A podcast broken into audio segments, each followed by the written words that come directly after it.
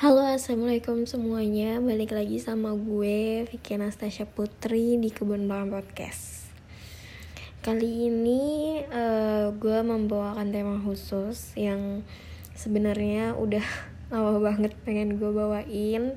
Cuman gue lupa mulu dan ya emang belum ada moodnya untuk uh, menjelasin ke kalian gitu kan. Jadi gue di sini pengen ngejelasin gimana caranya uh, datang ke psikolog atau psikiater uh, pakai BPJS asuransi BPJS jadi uh, asuransi BPJS ini asuransi yang dimiliki oleh pemerintah. Jadi uh, dalam tingkatannya itu BPJS itu kalau nggak salah ada empat. Pokoknya dari sekitar 50 ribuan. Sampai yang paling tinggi itu kalau nggak salah 150 ribu per bulan. Insya Allah itu kisarannya tuh gue lupa pokoknya ada situ nah case masalah yang gue hadapin adalah pada saat pertama kali waktu gue pengen menggunakan eh, BPJS itu uh, gue umur gue kan udah 21 tahun. Jadinya uh, biasanya itu tuh BPJS itu dalam satu keluarga kalau ada salah satu keluarga yang mendaftar uh, BPJS itu akan semuanya semua keluarga semua nama keluarga yang ada di kakak tersebut itu masuk ke dalam uh, eh, BPJS asuransi BPJS kecuali misalnya kalau case gue adalah saat umur gue sudah 21 tahun. Saat umur kita sudah 21 tahun uh, kita sudah diharuskan untuk um, bukan cari buat kakak lagi ya gitu. Tapi diharuskan untuk ngebuat kartu ngebuat BPJS sendiri atau kita diharuskan untuk lapor ke petugas BPJS kayak kasih apa ya surat pernyataan bahwa misalnya gue masih kuliah gitu. Jadi surat pernyataan dari kampus bahwa gue masih kuliah gitu masih berkuliah. Jadinya masih di masuk nih masih masuk dalam kartu keluarga atau kartu BPJS karena biasanya akun kartu BPJS itu kan ada akunnya di JKN kalau kalian bisa download JKN di Google Play atau gue atau iPhone kan juga ada. Uh, itu tinggal download. Terus buat akun sendiri terus ya udah nanti bakal kelihatan tuh daftar siapa aja yang terdata di kartu BPJ yang mempunyai kartu BPJS yang masih aktif ataupun yang tidak aktif. Nah, pada saat itu kan karena gue umur 21 tahun jadinya uh, gue juga sudah tidak berkuliah lagi. Jadinya gue diharuskan untuk ngebuat akun BPJS sendiri. Jadinya ya seperti persyaratannya seperti membuat BPJS sendiri sih kata gue. Maksudnya karena bukan karena gue udah kayak data gue kan udah ada nih dari kartu keluarga keluarga mama gue. Terus gue buat sendiri uh, gue tuh tidak persyaratannya itu tuh kayaknya sih ya sama kayak kalau misalnya lu ngebuat kartu BPJS sendiri lagi gitu. Jadi gue buat gue hubungin via WA waktu itu via WA jadi kayak apa ya ada ada kayak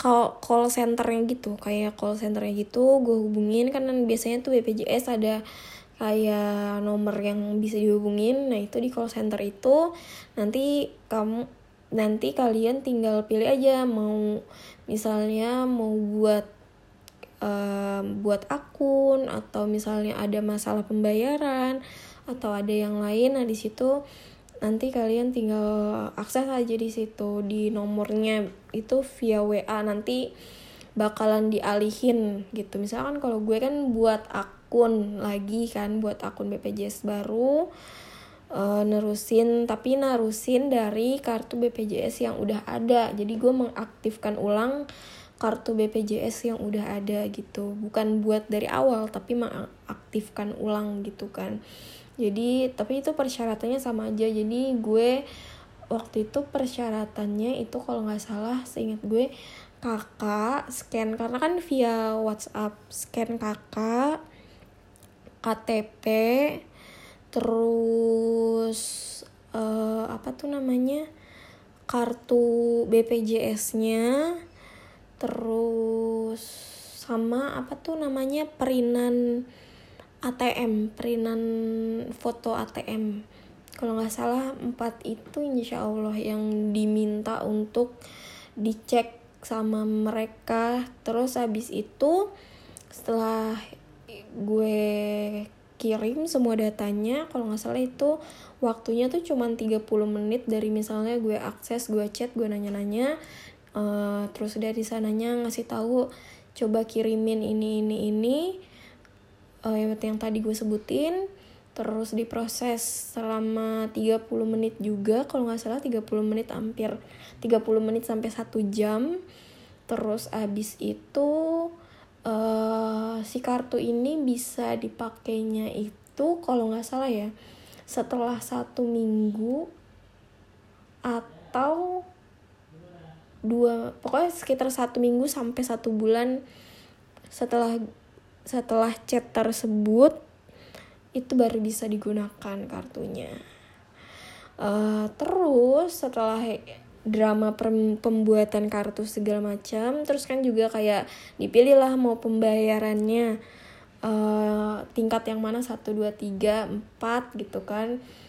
Dipilih mau pembayaran yang mana jadi setiap bulan lo harus bayar uh, dana segitu uh, bisa juga kayak misalnya lu bayar langsung 4 bulan itu bisa juga kayak gitu.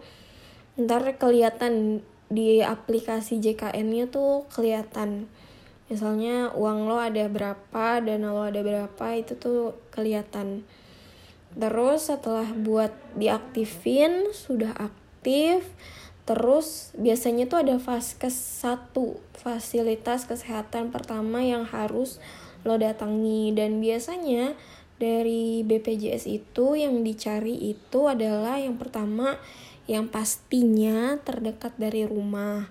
Terus yang kedua itu uh, apakah fasilitas kesehatan ini bisa menampung elu atau tidak? Karena kadang uh, banyak banget fasilitas kesehatan yang sudah terkenal kayak gitu misalnya kan klinik-klinik kayak gitu kan. Nah ini saking terkenalnya sampai kayak banyak banget customernya dari BPJS karena biasanya uh, customer BPJS ini setiap harinya itu dibatesin dan uh, obat-obatannya juga itu dibatesin jadi nggak seluruh obat-obatan itu bisa diakses dengan BPJS dan tidak seluruh fasilitas kesehatan juga bisa diakses oleh BPJS. Da, tapi kalau di bagian yang ingin gue jelasin kan masalah kesehatan mental, uh, psikolog, psikiater.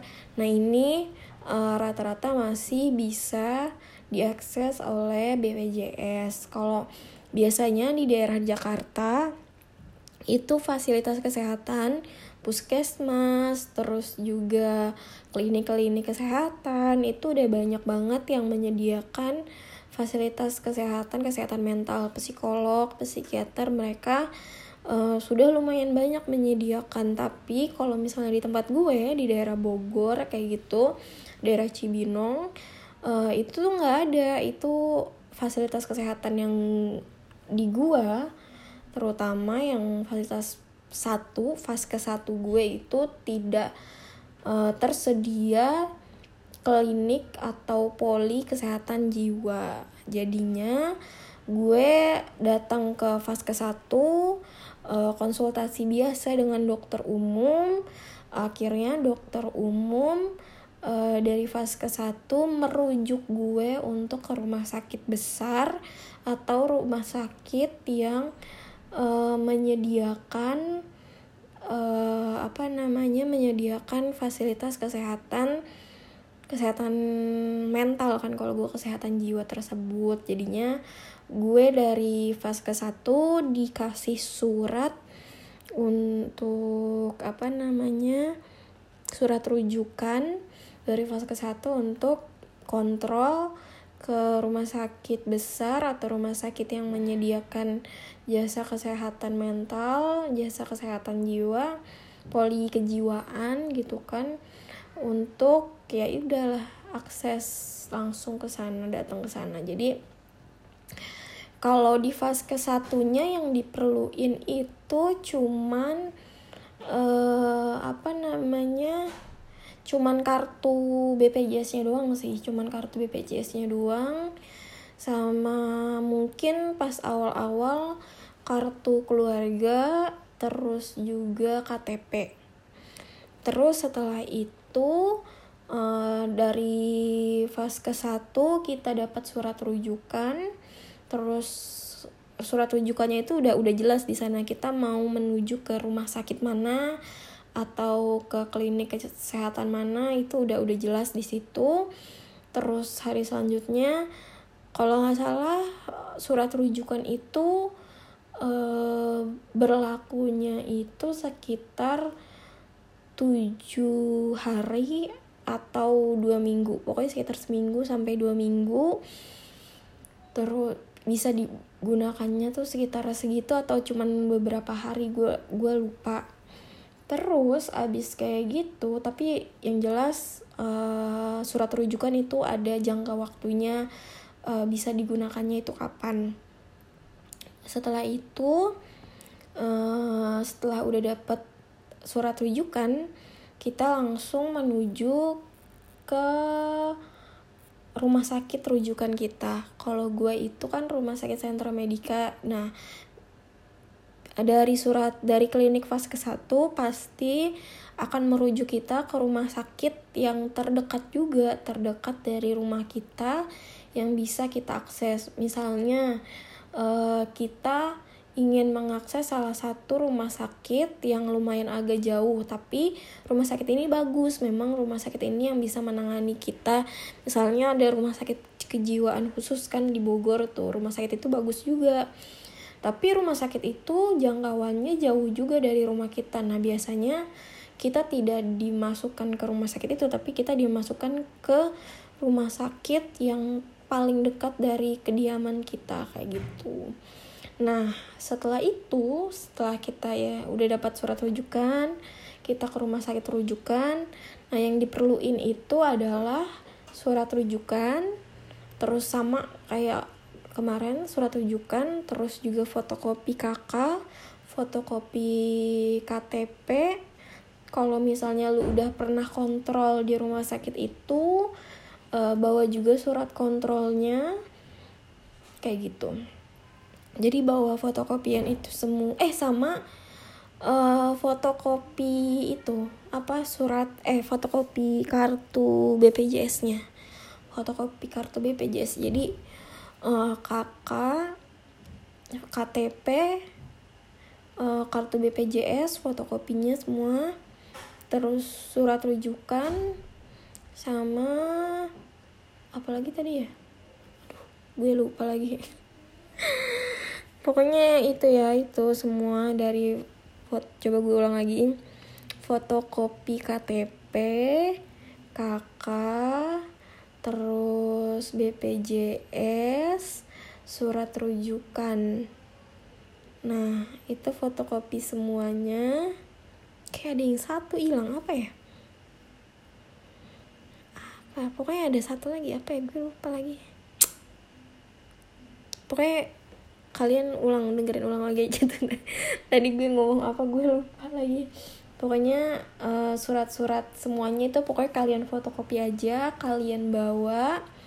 Uh, karena ya daripada lo nanti pas pendaftaran bolak-balik ke rumah gitu kan karena nanti pasti akan diperluin juga di sana. Dan di rumah sakit itu dia mereka juga menyediakan uh, fotokopian. Jadi tenang aja kalau misalnya nanti dari rumah sakit perlu berapa fotokopian nanti bakal dibilang nanti lo bakal disuruh untuk fotokopi lagi dan di rumah sakit itu juga ada fotokopiannya. Kalau di tempat gue kayak gitu. Terus abis kayak gitu uh, ya udah lu daftar masih surat-surat segala macam. Terus lu bisa akses uh, psikolog atau psikiater yang ada di fasilitas kesehatan tersebut. Setelah itu lo bisa konsultasi. Kalau misalnya psikiater pasti akan diterapi obat juga. Terus juga Nah ini kekurangan dari BPJS adalah ada beberapa obat yang tidak ditanggung atau ya tidak diberi maksudnya ada batasan obat yang bisa digunakan kalau misalnya kita pakai BPJS jadi nggak semua obat bisa kita akses kalau misalnya kita pakai BPJS terus jadinya ini sebenarnya uh, pinter-pinternya dokter kalian aja sih ngasih kalian obat kayak gimana. Jadi uh, cocok-cocokan. Karena obat juga itu kan cocok-cocokan. Jadi mungkin pada saat awal-awal sekitar tiga bulanan itu akan gonta-ganti obatnya cukup sering. Dan kalian juga akses uh, ke psikolog atau psikiater ya. Kalau terapi obat kan psikiater uh, akan cukup sering gitu kan. Dan uh, kalian sih yang jelas saat konsultasi segala macam ya harus jujur aja sama dokter kalian tentang apa yang kalian rasakan dan juga apa yang terjadi sama badan kalian pada saat itu.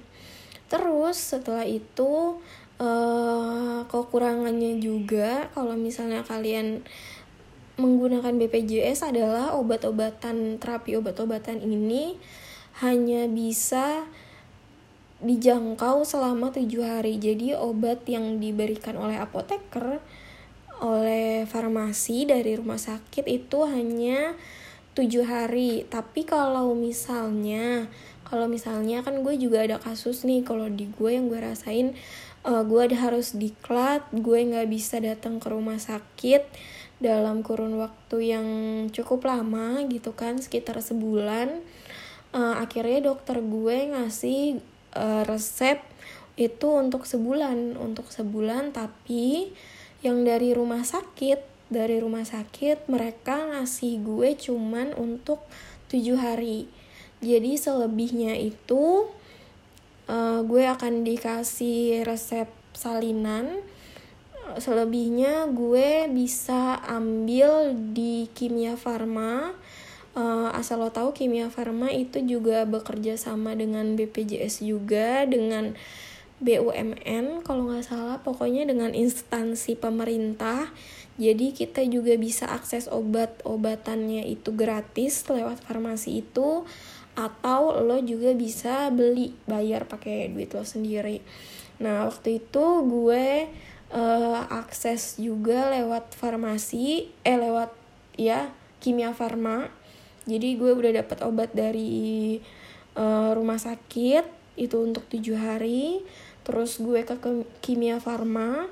Terus yang dibutuhin itu uh, fotokopi kartu apa namanya kartu BPJS sama kwitansi dari rumah sakit bahwa uh, menyatakan kayak itu kan kwitansinya kwitansinya jelas bahwa lu pada saat lu uh, datang ke rumah sakit lo make BPJS di kwitansinya jelas bahwa itu tertera BPJS segala macam jadi dua hal itu sama resep salinan resep yang dikasih dari rumah sakit yang asli itu lokasi ke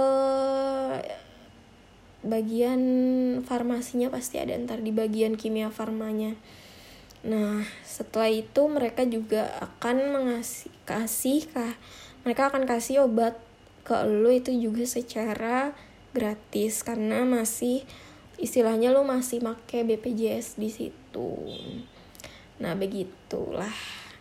Mungkin begitu aja pembahasan uh, gimana sih caranya make BPJS untuk konsultasi uh, psikolog psikiater. Nah kalau gue kan uh, psikiater gitu kan. Terus memang uh, yang lo perlu ini nih perlu banyak banget kertas fotokopian. Kayak gitu kan lo harus fotokopi KTP KK terus juga uh, kartu BPJS terus juga surat rujukan terus juga apa lagi udah itu ya itu jadi harus sering-sering kalau gue kan karena seminggu sekali jadi um, yang yang sering gue bawa adalah kartu BPJS sama KTP terus kan karena gue juga udah sering kontrol surat kontrol. Nah, surat kontrol ini nggak boleh difotokopi ya karena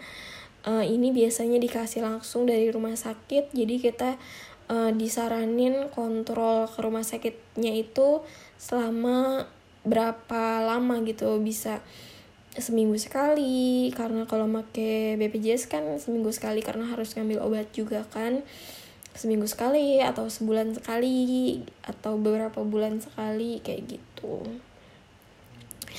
ya mungkin sekian aja dari gue. Sorry banget kalau misalnya ada salah-salah kata salah-salah ucapan salah-salah belibet atau gimana. Tapi uh, gue pastiin sih saat lo datang terus menggunakan BPJS itu sih bener-bener nggak bayar sama sekali sih. Paling tuh paling malesnya adalah kalau pakai BPJS ya harus ngantrinya itu karena uh, pendaftaran ngantri terus juga pas mau konsultasi dengan psikiater atau psikolog ya itu juga ngantri. Terus kan karena kita pakai BPJS kita di antrian yang uh, di bawah dari yang gak pakai BPJS gitu. Terus juga saat di farmasi itu juga ngantri. Jadi gue kadang gue datang pagi sekitar jam 8an pagi setengah 8 jam 8 itu ntar gue bisa pulang tuh ke rumah sekitar jam 3 sore. Iya dari bener-bener dari pagi nyampe sore uh, gue cuman ya konsultasi sambil nungguin obat dan ya kalau dulu setiap minggu alhamdulillah sekarang karena gue juga ada kesibukan jadi sebulan sekali. Tapi gue juga belum bisa mastiin uh, apakah bulan depan atau bulan ini akhir bulan ini gue bisa konsultasi lagi. Karena gue masih diklat tapi gue sebenarnya gue pengen banget konsultasi lagi. Hmm, ya begitulah. Tapi ya gue tetap terapi obat sih gue tetap terapi obat. Dan karena uh, gue tahu itu membantu gue dan gue ngerasa memang gue butuh hal itu gitu. So ya yeah, thank you jazakumullah sudah mau mendengarkan. Mungkin sekian dari gue. So ya yeah, kalau misalnya masih ada pertanyaan lo bisa nanya langsung ke WA gue atau ke Instagram gue Fikih ATP atau email ke gue ke fikihatp at gmail.com So ya, yeah. wassalamualaikum warahmatullahi wabarakatuh.